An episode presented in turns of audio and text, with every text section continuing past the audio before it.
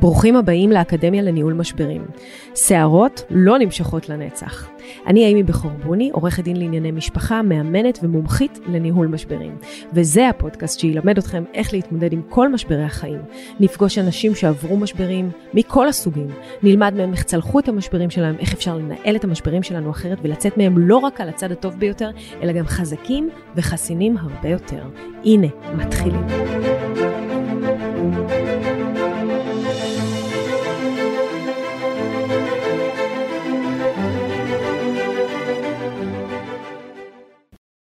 כשאת חיה עם נרקסיסט, את כל הזמן בתחושה שאת לא בסדר, הוא הקורבן, את לא בסדר, את חולת נפש, את משוגעת, אף אחד בחיים לא יאהב אותך כמוני, מי ייקח אותך? אז שלום ועוד פרק בפודקאסט של האקדמיה לניהול משברים. אני עורכת הדין אימי בכור בוני, ואני מביאה אליכם משברים שאנשים אחרים עברו כבר, כדי שתוכלו ללמוד איך להקל ולעבור את המשברים שלכם. והפעם, משבר שבאמת אני שומעת עליו, אני לא יכולה להגיד לפחות פעם ביום. אני נשואה לנרקסיסט, איך מתגרשים מנרקסיסט. ובשביל להתגרש מנרקסיסט הבאתי לכם את לא אחרת מהמומחית לנרקסיסטים, באמת אין מומחית כזאת בארץ לדעתי היום, עורכת הדין רות דיין וולפנר, שאפשר לראות גם באינסטגרם שלה וגם אה, בבלוג שלה, מדברת המון על נושא הנרקסיזם, העלתה את זה למודעות ובעיניי אפילו שינתה את פני המתגרשים היום, הם ככה כולם מגיעים אליי וישר אומרים לי אני נשואה לנרקסיסט. אז היי רותי ותודה שבאת אליי, גם קולגה אבל גם חברה הכי טובה שיש לי בעולם. אה, אני נורא נורא שמחה לארח אותך בפודקאסט שלי ולהתארח בפודקאסט שלך כי בעצם אנחנו הפכנו את זה לפרק משותף. כן, פרק תאום. פרק תאום, נכון. אבל תקשיבי, אני ממש חיכיתי כל כך הרבה זמן לדבר איתך על הנושא הזה. עכשיו באמת זה כמו שיחת חברות. תקשיבי רותי, כל מי שנכנס אליי למשרד לשיחת ייעוץ אומר לי, תראי, אני ראיתי באינסטגרם של עורכת הדין רות דיין וולפנר, שהיא מומחית בנרקסיסטים, ואני ראיתי סממנים לנרקסיזם, ואני אומרת לך, אני נשואה לנרקסיסט. עכשיו, אולי תעשי לנו פעם אחת סדר, כי נראה לי שכולם קצת נרקסיסטים. מה ההבדל באמת בין נרקסיסט שהוא, את יודעת, שיש גם בי ובך קצת נרקסיזם, נגיד, שאנחנו קצת אולי דואגות לא. לעצמנו, לא? אנחנו לא, מה פתאום. אז מה זה בעצם התסמונת הזאת, התופעה הזאת, ההפרעה אולי? לא, אז... האמת שנרקסיסט זה סוג של אה, תיאור צבר של תכונות, ויש רצף. זאת אומרת, יש סממנים קלים של נרקסיסט, שכמו שהתייחסת, אה, יש כנראה לכולנו, שזה ביטחון עצמי, זה מוחצנות, זה אנשים שהם אה, מסמר המסיבה, שאין להם שום בעיה לדבר בפני קהל, להתבלט, שיש להם ביטחון עצמי, לא לכולם, לפעמים זה קצת הפוך. ויש את הרצף הקיצוני, שזו הפרעת אישיות נרקסיסטית. Mm-hmm. שזה כבר, זה, זו כבר באמת מחלה, אבל אני לא מדברת על הפרעת אישיות נרקסיסטית, שבה יש את כל הסממנים הכי הכי קיצוניים. בין הפרעת אישיות לבין קווים נרקסיסטיים, יש מגוון של, של קווי התנהגות. שכולם ביחד אומרים, או בעצם יוצרים נרקסיזם. זאת אומרת, אנחנו מדברים על זה קצת כמו ספקטרום. בדיוק, זה ספקטרום. ממש קשת, ספקטרום. ספקטרום של, כן. אה, אה, אפשר להיות נרקסיסט קיצוני. הספקטרום הנרקסיסטי. הספקטרום הנרקסיסטי. כן. קודם כל זה מאוד מאוד חשוב להגדיר את זה. אני חושבת שאנשים לא כל כך מבינים את זה. הם מגיעים ואומרים, אני נשואה לנרקסיסט, את חייבת לעזור לי. אה, אה, כאילו עכשיו זה איזה מחלה. אבל זה ספקטרום. אפשר שהנרקסיזם יהיה באמת, יפגע באיכות הזוגיות. ברור. ועל זה אנחנו תכף נדבר. ויש נרקסיזם שהוא גם קצת בריא אולי, אנחנו לפעמים קצת רוצים שהילדים שלנו יהיו קצת נרקסיסטים, נגיד, נכון? נכון, שיאהבו את עצמם, שידאגו כן. לעצמם, שיהיה להם ביטחון. נכון. ש- שזה הכל בסדר. איפה מתחילה הבעיה? בדיוק, איפה מתחילה? הבעיה מתחילה מזה שהנרקסיסט למעשה, בפנים, הוא חסר ביטחון. אוקיי. ואז בשביל להרגיש טוב עם עצמו, הוא צריך להקטין. וברגע שיש בבית הקטנות והשפלות, כמו מי ייקח אותך, תראי איך את נראית, השמנת בזמן האחרון. וואי וואי, תראי איזה תחת גידלת. כאילו, אחד כזה שכל לא הזמן... לא תמצאי אף אחד כמוני? בחיים לא. בחיים אף אחד כמוני לא תמצאי. אבל את יודעת מה שמדהים אותי? נו. זה שמגיעות דוגמניות. כן. שאת רואה אותן, את נכון. אומרת, וואו. נכון. ובבית הוא אמר לה, תסתכלי עלייך, מי ייקח אותך? לא ירצה אותך? גם uh, אמירות uh, שאנחנו כאילו מורגלים בהם בחיי הזוגיות, כשאנשים מגיעים ואנחנו רואים יחסים שהם אביוסיב, אנחנו רואים הרבה מאוד uh, אמירות כמו, אמ, את לא תצליחי בחיים. אני רוצה לפתוח עסק, לא, אין לך מה לפתוח, ממי חבל על הכסף, אל תבזבזי, מה עולה יותר המטפלת או זה שאני אצא לעבוד, עזבי, כפרה, תטפלי בילדים. זה סממנים של אה, תלות כלכלית. כן, אבל זה גם נרקסיסטי, לא? אה, זה נרקסיסטי בהיבט הזה שזה מקטין. נכון. כן, אבל השאלה היא, כן, האמת שכן, כי, כי נרקסיסטים מקטינים ומשפילים. כן. אז זו תכונה, זו אחת התכונות המשמעותיות. בנוסף, אין להם אמפתיה. חסרי אמפתיה לחלוטין, לא מסוגל להכין אותה. ממש כמו סוציופטים כאילו? זה, זה בקצה, בקצה הרצ... הקיצוני של הרצף, אבל קשה להם מאוד להיות אמפתיים. Mm-hmm. הם לא יכולים לראות אה, בן אדם ולהרגיש באמת שהם פגעו בו, שכואב להם, שהם צריכים לחמול עליו, אין להם את הדבר הזה, זה פשוט לא קיים. ואת מהנהנת, כי אנחנו מכירות כמה אנחנו כאלה. אנחנו מכירות אה, מלא כן, כאלה, כן, מלא כאלה. לצערי הרב. כן. כן. אז נרקסיסטים חסרי אמפתיה. כן. אין להם שום בעיה לשקר. כן. שקרנים פתולוגיים. זה השיא. זה השיא. אני חושבת שרואים את זה הכי בתהליכי גירושים, כשאת מתגרשת באמת מנרקסיסט, ואז מתחילים שקרים, שזה ברמה שאני אני, אני רואה אותם משתגעות. אבל איך הוא אומר את זה? אבל, אבל, זה, אבל אני נשבעת לך שזה היה אחרת, או במאה אחוז היה שם כסף, איך פתאום אין שם כסף, או איך... זה, אבל כאן את מדברת על גירושים. נכון, אנחנו רואים את זה הכי הרבה בגירושים. אבל אני אומרת לך, בכלל, בחיים, כן. נרקסיסטים, אין להם בעיה לשקר. כל הזמן הם משקרים. כן. אין להם בעיה לבגוד, מותר להם. מותר, כי הכל, בסדר. מגיע להם. הכל מגיע להם, כן. בדיוק. מתת אל, כן. מתת אל, כן. השמש זורחת מהתחת. כן, ממש כן. ככה. כן. אז, אז זה, זה, זה הרצף. הם בעיקר נותנים לך תחושה שאת צריכה להגיד תודה שאת נשואה להם, או שאת איתם, או שהם איתך, כן. או שאת זוכה בהם. זוכה. נכון? זוכה, בעיקר זוכה, זוכה בלוטו. בהם. כן, כן. זכית בלוטו, מפעל הפיס. כן. והם, יש כל מיני התנהגויות שהן התנהגויות מתעללות. למשל, יש סוג של נרקסיסטים שזה נקרא הנרקסיסט הסמוי, הם פסיב אגרסיב. כן, זהו, אני רציתי לדבר איתך, אבל שנייה רגע לפני שאנחנו עוברים לסוגי נרקסיסטים, כי יש לא מעט. אה, אה, זה, זה, זה בעצם... לא, יש עוד כמה.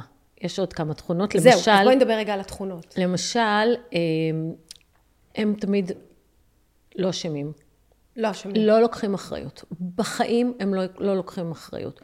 את עשית, את, את גרמת לי, את מוציאה אותי מדעתי. תקחי טיפול.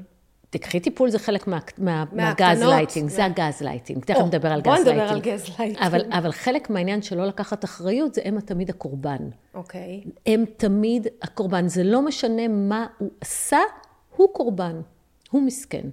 כן. איך שהוא מצליח, נגיד, הוא בגד בך, אבל הוא מצליח להפוך את זה עלייך, שזה בגללך, באשמתך, שאת... זה המניפולציה. נכון. אני יכולה להגיד לך, למשל, שהיה לי אה, לקוח, mm-hmm.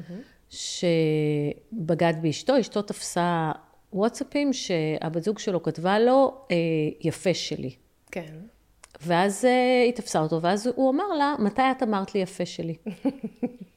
את לא בסדר. את לא בסדר. את היית צריכה להגיד לו יפה שלי. נכון. לא אמרת, אז הוא הביא מישהי אחרת שתגיד לו. בדיוק. כן, נכון. אז, אז זה תמיד ניסיון להפוך את זה, למרות שאת יודעת, אי אפשר לקחת כל דבר קטן כזה ולהגיד הוא נרקסיסט. זה צריך להיות צבר, זה צריך להיות כן. מכלול, צריך מה שנקרא להיות עם רוב התמונה, לא עם הכל. לעמוד בקריטריונים. בדיוק. זה לא, אם למישהו יש דבר אחד, זה עוד לא הופך אותו לנרקסיסט. זה מאוד חשוב לי שאת אומרת את זה, כי אני מוצאת את עצמי, אה, לחלק מהאנשים אומרת באמת, יקירתי, אכן את נשואה לנרקסיסט, ויהיה קשה, אה, וזה יהיה גירושים כאלה וכאלה, ולחלק מהאנשים אני אומרת, תקשיבי, זה, זה לא בדיוק אה, נרקסיזם, זה חלק מהתנדריתך של אנשים שמדברים אולי בצורה יותר קשה אחד לשני, אבל לא כל, זה כמו שלא כל אה, אה, אל תקני בכיכר המדינה, זה, התעלל, זה התעללות כלכלית, נכון. אלימות כלכלית, שזה גם הפך להיות איזה טרנד כזה שאנחנו, כל הזמן מגיעות אליי למשרד, אימי, יש לי אלימות כלכלית קשה, כן, מה האלימות הכלכלית?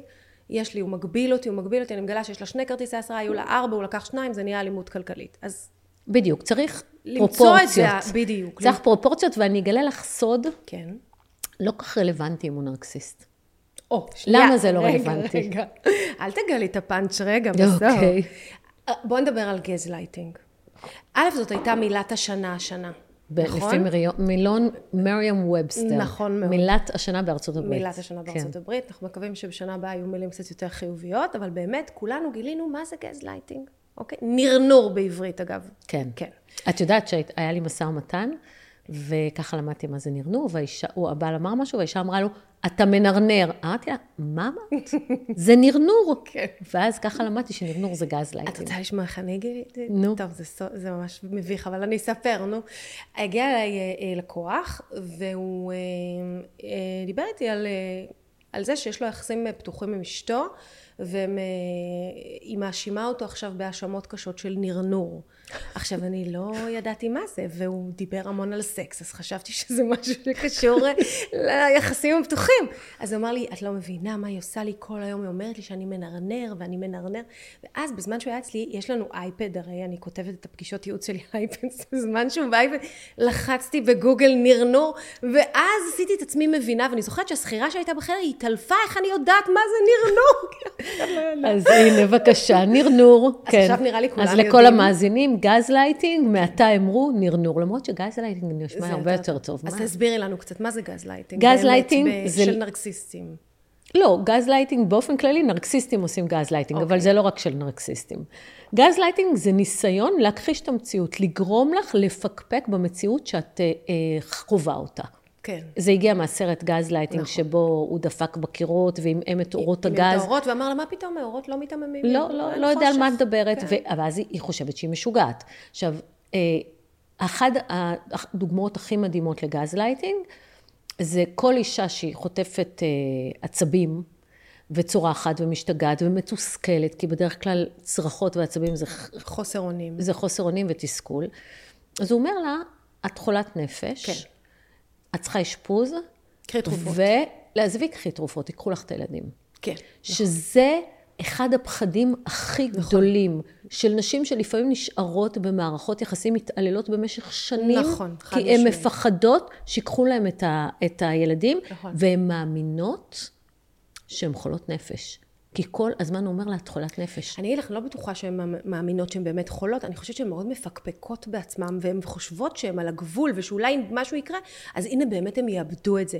והנטייה הזאת היא לאיים בילדים, שהילדים זה בעצם הדבר הכי חשוב שיש לנו, אבל זה כל כך שכיח. וזה אה? שכיח. זה, זה פשוט כל, כל הזמן. מדהים נכון. לראות כמה אה, נשים באמת מאוד מאוד מפחדות. מאוד. עכשיו, אני חייבת לציין משהו, שזה גם לפעמים הפוך.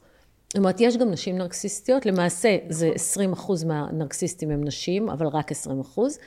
באמת, זו סטטיסטיקה? כן, שרק יש- 20 אחוז? כן, 20 אחוז מהנשים נרקסיסטיות, אה, 20 אחוז מהנרקסיסטים הם נשים, כן. ו-80 אחוז גברים. בגלל זה אנחנו מתייחסים יותר לגברים, אבל יש גם הרבה מאוד נשים שמאיימות. את, את תתגרש ממני, אתה בחיים לא תראה את הילדים. כן. אני לא אתן לך לראות אותם, אני אקח לך אותם, שזה לא גזלייטינג, אבל זה איום הפוך. זה איום אחר קצת. כן. אני אספר לילדים מה עשית, אני כן, זה לא גזלייטינג, אבל זה גם. כן. שימוש בילדים ככלי, כאיום במסגרת הגירושים. אז אם את מאבחנת את ה... את ה... בעצם מישהי מגיעה להתגרש והיא אומרת לך שבעלה מקטין אותה, עושה לה גזלייטינג, מתארת לך את הסיטואציות האלה, אה, משקר בלי הפסקה, בוגד כי הכל מגיע לו, אומר לה את הדברים, אז את אומרת, את נשואה לנרקסיסט, ועכשיו אם את רוצה, אה, הגעת אה, למקום הנכון, ואז הן שואלות אותי, אז מה את יכולה לעשות בשבילי שהם נרקסיסטים? ואני בדרך כלל אומרת של כלום כלום. ורציתי לשאול אותך אם יש איזה משהו שאת חושבת שהוא ייחודי לטיפול ב, באמת ב- בזוגיות כזאת, בגירושים נרקסיסטיים. תראי, אני חושבת שבעיקר מה שחשוב זה להבין את התופעה ואת הדפוסים, כי יש פה דפוס. אני תכף אתאר לך אותו ותגידי לי, אה, ברור, נכון? זה דפוס? זה דפוס. אוקיי. זה מתחיל ככה. זה מתחיל מזה שהוא רוצה לסיים בטוב. הוא רוצה להגיע להסכם. אנחנו נעשה את זה רק שנינו. כן. אנחנו נהיה אחרי גישור, אנחנו לא נשקיע שקל בעורכי דין. ואם היא הולכת ולוקחת עורך דין, התנאי שיעיף את העורך דין. גם זה, אבל גם, את לקחת את העורכת דין הכי, הכי לוחמנית בארץ. כן. היא תיקח לך את כל הכסף. כן. היא לא תביא אותך לשום מקום. היא תגרור אותך למלחמות של שנים. ימכרו לך את הבית בכינוס נכסים. כן, ועוד הרבה דברים כאלה, שהמטרה שלהם היא אחת. לערער אותך? לערער אותך, אבל גם להשאיר אותך חלשה. כי הלוא אם את מיוצגת, אז יש לך גב. נכון. יש מי שמייצג אותך. עכשיו, אם את מתחילה לפקפק בייצוג שלך, וזה קורה המון, נכון. כי את מגיעה הביתה והוא אומר לך, ואת אומרת, רגע, אולי העורכת דין הזאת בעצם תגרור אותי למלחמות, אולי הוא צודק, כי את גם רגילה להאמין למה שהוא אומר לך. נכון. אבל אם את מתגרשת ממנו, אין לו אינטרס שיהיה לך טוב. הוא רוצה שאת תהיי חלשה. ולכן, תמיד, תמיד, תמיד, ברגע שתהיי מיוצגת, הוא ירד לך, וזה לא משנה מי העורך דין. כן. לא משנה מי העורך דין, תלכי למשרד הכי טוב או תלכי למשרד הכי פשוט, אותם דפוסים. נכון. ואז מתחיל הגישור. כן. הולכים קודם לגישור, הרבה פעמים באים אלינו אחרי הגישור או במהלך הגישור, הם הולכים לגישור ואחרי שניים, שלוש פגישות, זה מתפוצץ. המ- לא, זה מתחיל המגשר נגדי. המגשר בעדך, כן. המגשרת בעדך, כן. ואני לא מפוצ... אני רוצה להחליף מגשר. וככה אנשים מוצאים את עצמם, שלוש עוברים... שנים בגישורים. נכון. נכון, נכון. עוברים שנים כאלה. בגירושים, נכון. בגישורים, או אה, עוברים ממגשר למגשר. נכון. המגשר הזה התפוצץ, המגשר הזה נגדו, המגשר הזה אמר שהוא לא יכול לעזור להם, אז, אז זה לא המגשר, לא הם דפוקים, המגשר דפוק, עוברים לעוד מגשר, וכל הזמן יש תקווה שעוד שנייה זה ייגמר. כן, נכון. זה אחד, אחד הסממנים, ויש עוד סממן, שאי אפשר לצאת מהם. זאת אומרת, הוא נגיד יבוא, הם כבר בגישור, הם כבר, אוקיי, כבר יש, מסכימים על המגשר, או שמנהלים משא ומתן בין שני עורכי דין, וזה מתחיל, אני רוצה את זה ואת זה ואת זה, ולכל סעיף יש ארבע תתי סעיפים. ואז את כאילו אומרת, טוב, אני אחזור, אני אראה, ואת מסכימה לזה, ואז נהיים עוד סעיפים. ואז לא, זה כבר לא רלוונטי, או עכשיו אני רוצה גם את זה כן, וגם כן. את זה וגם את זה נהיים עוד. סעיף. כן, ככה אי אפשר לצאת מהם. ואני תמיד אומרת, צריך לשים קווים אדומים, מה מקבלים, מה לא מקבלים. לא מקבלים, להפסיק לבזבז זמן על, גירוש, על גישורים. נכון. כי, כי הרבה פעמים אין לו שום כוונה להגיע להסכם. שום כוונה, אבל הוא מושך אותך עכשיו שנתיים, איזה כיף. אני חושבת שהם לא תמיד באמת מבינים שאין להם כוונה להגיע להסכם, בגלל שהם כל כך חושבים שהם הכי צודקים, ושהמציאות צריכה להסתדר לפי מה שהם רוצים, ואז כשמגיעים לגישור והמציאות לא מסתדרת, אז בעצמם אולי הם חושבים שהם היו רוצים לגמור את זה, אבל רגע, המציאות עוד לא מסודרת כמו שאני רוצה, בוא נחליף מגשר, בוא ניתן עוד סעיף, בוא נראה, ובעצם אין שום סיכוי לגישור הזה. ובאמת גישור זה אחד הדברים שצריך, בעיניי בכלל יש לי אה, אג'נדה שלמה על גישור, אני לא כזאתי חושבת שגישורים עובדים בתחילת הדרך, אני חושבת שאנשים צריכים לעבור איזשהו תהליך רגשי, והם הרבה יותר מצליחים בשלב יותר מתקדם של התיק, מאשר בשלב הראשוני של ההלם. אבל... במיוחד עם נרקסיסטים. ו- אז אולי לפי מה שאת אומרת, באמת במיוחד עם נרקסיסטים, חייבים לעבור איזה דרך. חייבים לעבור איזה דרך, נכון. לפעמים אפילו משא ומתן של שנה וחצי, כן. ואז עוברים למגשר אחר, ואז זה כן מצליח. נכון. ולפעמים זה, זה מתפוצץ כי עדיין. יש את הדרך אבל שצריך... אז, מה הקטע? שהם כבר מושקעים. יש עלות שקועה כן. של זמן ושל כסף שבכלל עוד לא התחלנו הליך. נכון. ואז בגלל העלות השקועה הזאת עושים ויתורים. כי אומרים, טוב, נו, עכשיו אני אריב, לפעמים אנחנו אומרים, טוב, אל תריבו על 40 אלף נכון, שקל, נו, כי יעלה עוד לכם 50, יותר. נו, עוד עוד 100, 50, עוד יעלה 40, לך וזה מצטרף לזה, נכון, ומצטרף נכון. לזה, ומצטרף לזה. ובסופו של דבר, את מבינה שבשביל להגיע להסכם עם נרקסיסט, את צריכה לוותר המון. ואז מגיעה השאלה, מה הקווים האדומים? ואני תמיד אוהבת להגדיר קווים אדומים מראש, ולהחליט אם, אם הקווים האלה עוברים אותם, חבל על הזמן, נגמר המשא ומתן, עוברים להליך משפטי. יכול להיות שנגיע להסכם בהמשך. נכון, זה בדיוק מה שאני אבל, אומרת. אבל צריך לעבור דרך איתם. עכשיו, עוד מאפיין של אה, נרקסיסטים בגירושים, כן. הם לא נותנים מסמכים. נכון, וואו, וואו, וואו, זה בלתי, זה לא יאומן. זה באמת לא יאומן. לא יאומן. תקשיבי, של... אני היום הייתי בבוקר בבית משפט, ראי, בדיון צרחות, שני אנשים עמידים מאוד, בעלי נכסים, ילדים בגירים, אין מזונות, לא גרים ביחד, ואנחנו הגענו לדיון, הוא הגיע עם חמישה עורכי דין, כי הוא לא מוכן לתת מסמכים, אני לא ראיתי דבר כזה. הוא פשוט מסרב, זהו, אין. עכשיו, בית משפט אמר לו היום, מינו רואה חשבון והכל, אבל היא הייתה צריכה לעבור איתו שנה וחצי גישור, שבה בדיוק מה שתיארת עכשיו קרה. אה, זה, האקטואר לא היה מספיק טוב, ההוא לא נתן את זה, ההוא לא זה, והוא לא נתן את המסמכים. והגענו לרגע הזה, ובסוף בית משפט, אני לא יכולה להבין את הדבר הזה, הרי הם יודעים שבית משפט יכפה עליהם לתת מסמכים. מה זה הסירוב מסמכים הזה? תראי, מצד אחד בית משפט נותן צווים לגילוי מסמכים, מצד שני, את צריכה להוציא את הנשמה נכון. בשביל לראות את המסמכים. ואולי משהו תפספסי, ואולי לא תקבלי, ואולי בינתיים הוא, הוא כבר יספיק לקבור חלק מהכסף בכל מיני חשבונות עלומים, ואת לא תעלי על זה. וזה זה מאוד קשה, אבל כמו שהוא מוציא לך את הנשמה בנישואים, כן. יוציא את הנשמה בגירושים. ומסמכים, זה, זה פשוט מדהים. נכון. ויש גם המון עורכי דין שמשתפים עם זה פעולה. נכון, אני מסכימה. גם במשא ומתן, אנחנו במשא ומתן, תראה לי מאזנים. נכון, לא, כן. לא. אז, אז אני אלך לבית משפט, כי אני לא אגיע להסכם בלי לראות את המאזן של בדיוק, החברה. זה בדיוק מה שאני תמיד אומרת. מה, כן. נשים, אה, נקשור את העיניים ונלך להסכם? אני, אם הלקוחה מוכנה לקשור את העיניים, אז בבקשה, אבל אני, כעורכת דין, לעולם לא יכולה להמליץ ללקוחה שלי לקשור את העיניים וללכת... ו- ולחתום על דברים נכון. שלא ראית אה, מסמכים. לא ראיתי, אני לא יודעת, אולי, אולי מפסידה מיליונים, אולי מרוויחה בזה שהיא לא תשלם את החובות, אני לא יודעת, אבל בלי שראיתי, אני לא יכולה לתת המלצה. ואז באמת, הנרקסיסטיות הזאת, זה באמת נרקסיזם. הם, הם גומרים, זה, הם גם בדרך כלל הרי גרים באותו בית, זה, וזה קושי אדיר. היא חוזרת הביתה, ואז מתחילה מקדיחה. את לא מבינה, אני מציל אותך מהחובות, למה כן. את צריכה להראות את המסמכים? זה הגז אני מציל lighting. אותך זה מהחובות. גז לייטינג, זה עיוות של המציאות. כן. כי אם היו באמת חובות, הוא לא היה רוצה להציל אותך, הוא היה דורש לכסות בדיוק. מהרכוש המשותף. נכון. אבל פתאום הוא לוקח את החובות עליו. נכון. זה, זה הגז אז מה, lighting. אז אולי המסקנה שלנו היא, אמ, זו מסקנה קשה, שאולי אנשים שאנחנו מזהות שמגיעים עם באמת אה, זוגיות נרקסיסטית קשה, אין טעם לגרור אותם בכלל במשא ומתן. אני, אני לא מסכימה עם זה. אוקיי. כי אני שמתי לב שהרבה פעמים תיארו לי נרקסיסם קשה, כן. וכן הצלחנו להגיע להסכם. ואפילו באופן מפתיע סופר הוגן. אז אני, למרות שאת, גם אם את חיה עם מישהו שאת משוכנעת שהוא נרקסיסט, והיו לו המון המון דברים כאלה, זה לא חד משמעית שאי אפשר יהיה להגיע להסכם. אני אומרת לך, סיימתי עכשיו תיק, לא העליתי על דעתי שהתיק הזה יגיע להסכם, רק מהתיאור שלו. כסף ונרקסיסט ו- ושתלטן והתקפי זעם וקלאסי, והוא היה מאה אחוז. אז זה באמת. שאמרת קלאסי עכשיו, אז יש נרקסיסט קלאסי כזה, כמו שדיברנו עליו, אבל יש עוד סוגי נרקסיסטים. אני זוכרת שראיתי שכתבת על הנרקסיסט הסמוי. מה זה אומר? כן. נרקסיסט סמוי הוא נרקסיסט שאת לא, לא קולטת עליו שהוא נרקסיסט על ההתחלה. זאת אומרת, הוא לא show off, הוא לא מוחצן, הוא לא כזה מלא ביטחון עצמי, או משחק אותה מלא ביטחון עצמי, הוא יותר אה, נחבא לכלים, שקט, אין לו הרבה חברים. ואז את, את טועה לפרש אותו כאיש טוב כזה. אוקיי. שקט, אז מה הופך אותו. לנרקסיסט? הוא כל הזמן קורבן. הוא אותו דבר במהות כמו הנרקסיסט הקלאסי, אבל הוא סמוי. הוא אוקיי. כל הזמן קורבן.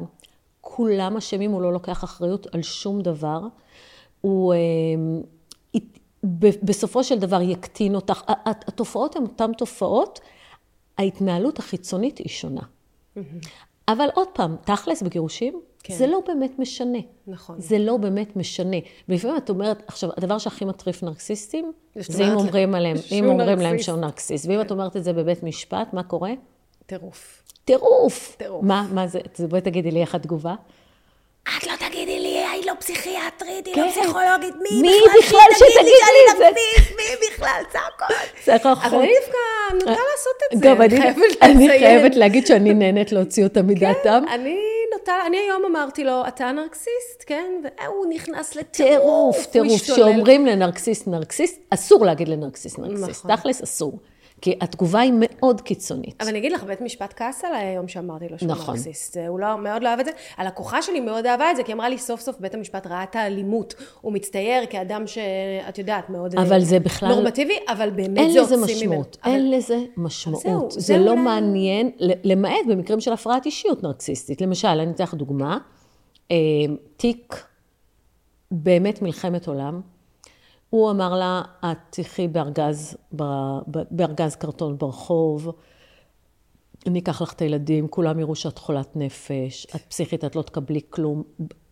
הכל, אין מסמכים, אין, אין, אין, אין, אין, אין. והוא הגדיל לעשות, והוא דרש לערוך בדיקת מסוגלות הורית מחמת חוסר שפיותה של האם. כן. אמ, והיא גם- הייתה במצב לא קל, כי היא עוברת גירושים של מהגיהנום. כשאת עוברת גירושים של הגיהנום, זה מחליש אותך. בוודאי. אבל אמרנו, אין שום בעיה, אנחנו מסכימים לבדיקת מסוגלות הורית, ואז הוא לא הסכים. כי, אבל הוא ביקש, כן. ואז הוא לא הסכים לשלם על זה. ואז ניתן צו שמחייב אותו לשלם בתוך עשרה ימים, 35 אלף שקלים, כן. והתוצאות היו הפרעת אישיות נרקסיסטית. רגע, והמלצות? נו. משמורת משותפת. כן, אז זה מה שאני... אני, בדיוק. את מבינה? אין לזה משמעות. אני חושבת שאם יש איזשהו אה, מסקנה או אמירה שצריכה לצאת מהפודקאסט הזה, והיא חשובה לא פחות מהמידע על נרקסיזם, זה שבטום ליין מאוד חשוב לדעת שאת מתגרשת מנרקסיסט, זה עוזר בבניית האסטרטגיה מולו, אין ספק לעורך הדין, אבל בפועל בית המשפט לא עושה עם זה שום דבר. אין הבדל בין להתגרש מאדם שהוא נרקסיסט ללא נרקסיסט. לא תקבלי בגלל זה יותר רכוש, לא תהיה פה איזה תביעת נזיקין על זה. את לא, מסכימה איתי? נכון, לחלוטין. הנקודה היא שכן חשוב להכיר את הדפוסים, מאוד מאוד חשוב להכיר את הדפוסים, ולהבין שהגירושים... שהגירושים יהיו יותר קשים, יותר מורכבים. הגירושים יותר קשים. ייקחו אולי יותר זמן. יותר מורכבים, וגם יש המון כוח בלהבין שזה דפוס. כן. כי המון המון נשים אומרות לי, את פתחת לי את העיניים. אני חשבתי שרק אני חווה את זה, ואז הבנתי שיש שם לתופעה ויש שם למה שאני עוברת, וזה נותן לך המון כוח להבין שזה בעצם את לא אשמה. כי הלוא שאת חיה עם נרקסיסט, את כל הזמן בתחושה שאת לא בסדר. הוא הקורבן, את לא בסדר, את חולת נפש, את משוגעת, אף אחד בחיים לא יאהב אותך כמוני, מי ייקח אותך? כל התופעה הזאת של התעללות נרקסיסטית, של קשר ממכר, של, לא, לא דיברנו יש עוד, עוד, עוד די הרבה דברים בעניין הזה, אבל לא, לא, לא ניכנס להכל בפרק הזה היום. מה שאני אומרת זה שנשים מבינות, וגם גברים הרבה פעמים, למרות שנשים נרקסיסטיות זה קצת שונה, ועוד מעט יהיה פרק גם על נשים נרקסיסטיות בפודקאסט. אה, יש לנו כמה דוגמאות שאנחנו מכירות מצוין. כן. אה, אנשים מזהים את התופעה. וכשאתה מזהה את התופעה זה נותן כוח להבין שבעצם זה לא את, זה תופעה. אני חושבת שזה בעיקר אה, גורם לך להסתכל על זה קצת מהצד. זאת אומרת, כשאת נמצאת בתוך משבר, ובאמת אה, גירושים מנרקסיסט זה משבר ענק, וכשאת נמצאת בתוך משבר, ואת לא רואה את הסוף, ואת רואה רק התנהלות, רק שמשקרים, ורק שעושים גזלייטים, ורק... את נמצאת כמו בתוך מערבולת, וכשמישהו בא ושם לך מראה מבחוץ, ואומר לך, תקשיבי רגע, זה טקטיקה של בן אדם, זו התנהלות שלו, זה האישיות שלו. זה מה שצפוי זה לך. זה מה שצפוי לך. יש משהו מאוד מאפשר לעבור את המשבר הזה קצת אחרת. נכון. גם יותר יודעת, גם פקוחת עיניים, וגם יודעת למה היא מצפה, וגם כשהוא עושה דברים, זה טוב, נרקסיסט, אז הוא עושה לי גזלייטינג, כן. אז הוא נרקסיסט, כן. אז זה פחות גם משפיע את, עליי. את גם יודעת שזה גז לייטינג, אז את יכולה להתמודד עם זה. זה פחות משפיע עלייך מאשר שמישהו שאת מכבדת, מעריכה, והוא עכשיו יכול להגיד לך שאת חולת נפש, ואת תחשבי רגע, רגע, אולי זה באמת- נכון, אולי אבל זה בדיוק נכון. הנקודה. ברגע נכון. שאת מבינה שזה גז לייטינג, נכון. המציאות שלך לא מתערערת. בדיוק. הגז לייטינג יכול לבוא לידי ביטוי גם, אה, אני לא אמרתי את זה. כן, אני לא אמרתי, אני לא הצעתי, אבל אתה אמרת שתשאיר לי את הבית, שתאפשר לי נכון. לגור בו של- שלוש שנים, בחיים לא. בחיים. לא קרה, נכון. ואז את אומרת, רגע, אני משוגעת. כן. הוא אמר, הוא לא אמר, לא, את אולי לא הבנת. המצאתי. איך אני לא הבנתי? כי את לא, את את לא לא- חכמה, את לא את- מבינה בכסף. אה, כן, כן. כן. אנחנו, אז הדבר הזה הוא מאוד מסדר את הראש, ובדבר הזה זה מאוד מאוד מאוד מאוד אה, חשוב. באמת אה, חלק מה, מהשלבים של ההתמודדות עם המשבר היא באמת להיות, להסתכל אחורה, להבין את, את, ה- את התמרורי האזהרה שהיו שם. אגב, כל הניסויים, הרי זה מפיל להם אסימונים אחורה. נכון. פתאום את אומרת, אלוהים, מה עברתי רטרואקטיבית? אני יכולה להגיד שהייתי, שכאן עשו לי גז לייטינג, שכאן, שכאן הקטינו אותי, ואז את יכולה לראות את זה אה, בדרך יותר מפוקחת. וזה כלי מדהים. גם אם את יודעת שהוא מקטין אותך, את לא באמת... זה לא משפיע. זה בדיוק, זה לא משפיע. נכון. זה לא משפיע, את מבינה שזה דפוס התנהלות, שזה לא שלך. נכון. ואז הרבה הרבה יותר קל להתמודד עם זה. אמ, מעבר לזה, גם בבית משפט, הנרקסיסטים, הם עושים המון המון מניפולציות. זה מאפיין אותם גם בנישואים וגם בהליך משפטי. ואז אני חושבת שחלק מהתפקיד שלנו כעורכי דין, זה כאילו להסביר לבית המשפט מה המניפולציה פה. ואני אתן לך כן. דוגמה. עבר אליי תיק, שהאישה הייתה בפגישת ייעוץ, ובמשך 45 דקות היא דיברה איתי על הקשר של האבא עם הילדה. אוקיי. קשר בעייתי, והוא טוען לניכור הורי, והיא אומרת, אבל אני לא עושה ניכור הורי, ומינו מישהי להחזיר את הקשר, והוא אלים, והוא לא אלים, והכל סבב סביב הילדה. ואז שאלתי קצת על הרכוש, והיא הסבירה לי ממש כמה מילים, ואז קלטתי שיש שם חברה ששווה עשרות מיליונים. הוא הוא רשם בכתב ההגנה, אני שכיר בחברה, שאני מחזיק במניות, אה, רשום, מין ניסוח מעורפל כזה, והחברה היא מלפני הנישואים. אז החברה בכלל לא נכנסה לפול. הוצאתי. נסח של רשם החברות, אני לא הצגתי אותה, אני, הוצאתי נסח של רשם החברות, החברה הוקמה חמש שנים אחרי הנישואים. למה אמרת שזה הוקם לפני הנישואים? כי אז היה לי עוסק מורשה. מה זה קשור? עכשיו, שתביני, מגיעים לדיון, ואני אומרת, פעם ראשונה שאני נכנסת לתיק, אני אומרת ללקוחה, את לא מדברת על הילדה. כן. יש המלצה כזאת, יש אפוטרופוס לדין, מה שהם אומרים זה בסדר. תפסיקי עם זה. הוא מסיט את כל הוא תשומת הלב. הסיט את התשומת לב של העניין. בדיוק. הוא הסיט את התשומת לב, והשופטת כאילו ידעה כבר... נגררה אחריו. לא, כבר ברור, כי אף אחד לא לא הראה. נכון. אז ש- שלוש, שלושה דיונים מדברים על ה... על הילדה. ה- לא, הניכור הורי, עם המנקרת, כן. האמא לא נתנה, האמא כן נתנה, הוא בא בחמש, הוא בא בארבע, הוא רוצה להרחיב את ההסדרים. הוא- ואז אמרתי לשופטת, אני לא, לא הולכת לריב על זה. מה שבית משפט מחליט מקובל עליי. וגם כך תעשה מרשתי. אז היא כאילו הייתה בשוק, כן. על זה, זה. אבל אני אמרתי לה, גברתי, יש פה, יש פה... מישהו עושה מניפולציה, יש לו אינטרס להסיט את תשומת הלב לתוך כן. הדבר של הילדה, כי יש פה חברה ששווה עשרות מיליונים. מיליונים. מה פתאום, מה פתאום? הבאתי לה נסח רשם החברות, אמרתי לה, גברתי, תראה את כתב ההגנה, החברה הוקמה לפני, לפני הנישואים, הנה נסח של רשם החברות, החברה הוקמה חמש שנים אחרי הנישואים. כן. הלם. הלם, לא, הלם. אבל אז, זה היה גם קודם, אני הייתי עוסק מורשה. מה זה קשור עוסק מורשה? כן. מה זה קשור? יש לך חברה, עכשיו, הוא הקים עוד חברה, בקיצור, ואז אלף התחילה מניפולציות. מהומה מטורפת במשרד, בדיון. ואני אמרתי, ככה מתנהג נרקסיסט, ווואי, וואי, וואי, נפתחו שערי הגיהנום. כן. צרחות, איומים, השופטת לא הצליחה להרגיע אותו, הזמינו את המשטר, את המשמר. המשטר, משמר בתי המשפט. תראו, ובעצם מה זאת הייתה? זאת הייתה מניפולציה נכון. נרקסיסטית. נכון.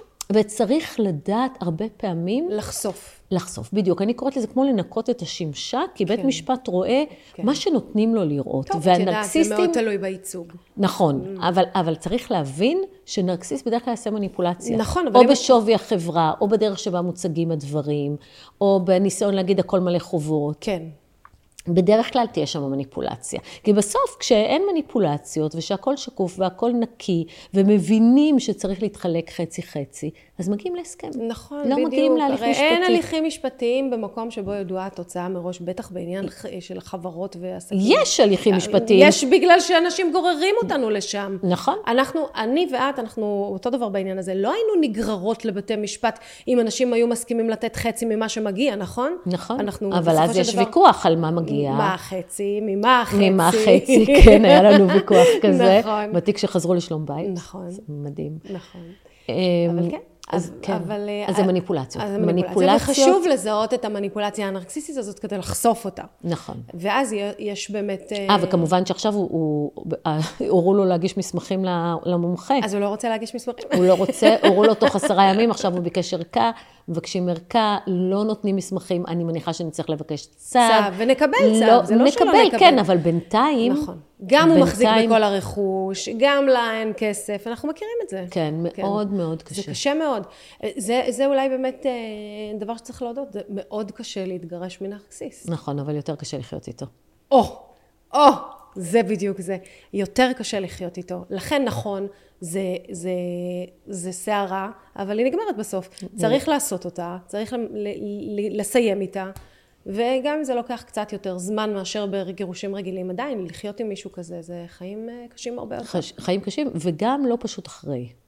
מה זאת אומרת? בגלל הילדים. כן. טוב, ברור. זה סאגה המניפולציות שלמה. לא נגמרות. אני תמיד, המניפולציות לא מתקשרות אליי. ואז אני אומרת, את זוכרת שהתגרשת ממנו? את זוכרת למה? אם הוא היה כזה טוב, את היית נשארת, נכון? ברור שזה הבן אדם. אנחנו לא מתעסקים עכשיו עם מישהו גם, אחר. זה לכל החיים. לכל החיים. כל החיים סובלים מזה. כל החיים, התיק פתאום, התיק נפתח עוד פעם, פתאום נכון. הוא רוצה להפחית מזונות, פתאום הוא רוצה עוד תביעות, נכון, עוד כזה. זה פשוט לא נגמר.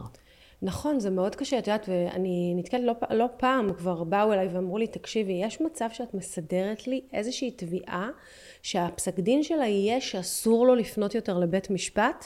אסור לו. ואני אומרת, לצערי, זו זכות חוקית, ומותר לפנות מתי שרוצים ולהגיש תביעות.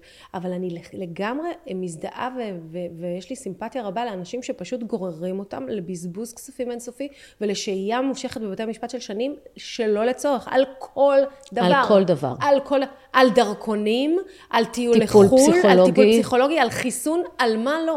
הכל. נכון? נכון, וגם היה לי תיק שהוא אמר לה, כל שנה בראש השנה תקבלי מתנה ממני. כל שנה בראש השנה הוא הגיש תביעה. בבקשה. ואז התחילו, כש, כשבית משפט קלט אחרי שלוש-ארבע שנים שמתנהלים הליכים, והתחיל לחייב אותו בהוצאות של 50-60 אלף שקל בערכאה הראשונה, ואז הוא מערער על ההוצאות והוא חוטף עוד 50-60 אלף כן. שקל, ואז זה נפסק. חבל שהם לא עושים את זה נכון. קודם. אם באמת, היו ה- נותנים... טוב, זה האלימות אה, המשפטית שאני מדברת עליה. נכון. כי אין מה לעשות, פשוט עד שמישהו לא עוצר את זה, אז הדלת פתוחה. כי אצלנו, את יודעת, 90% מהתיקים. מסתיימים בלי הוצאות. אנחנו... בלי הוצאות, נכון. הם רחמנים עם הוצאות. מאוד. והנקודה היא שדווקא ההוצאות יכולות לעשות כל כך הרבה סדר, נכון. אבל טוב, זה תלוי מי, תלוי מה. נכון. למרות שיש תקנות חדשות שמחייבות הוצאות, ועדיין אני לא ראיתי שינוי דרמטי לא. בעניין הזה. טוב, רותי, אז אה, קודם כל תודה רבה. זה מידע מדהים וחשוב, ובאמת, אני חושבת שאין מי שלא מזדהה, לפחות עם חלקים בספקטרום הנרקסיסטי הזה, ורואה את הדברים האלה, וממש תודה שבאת להתראיין בפודקאסט שלי. תודה שעשינו פרק משותף. היה כיף, כמו תמיד.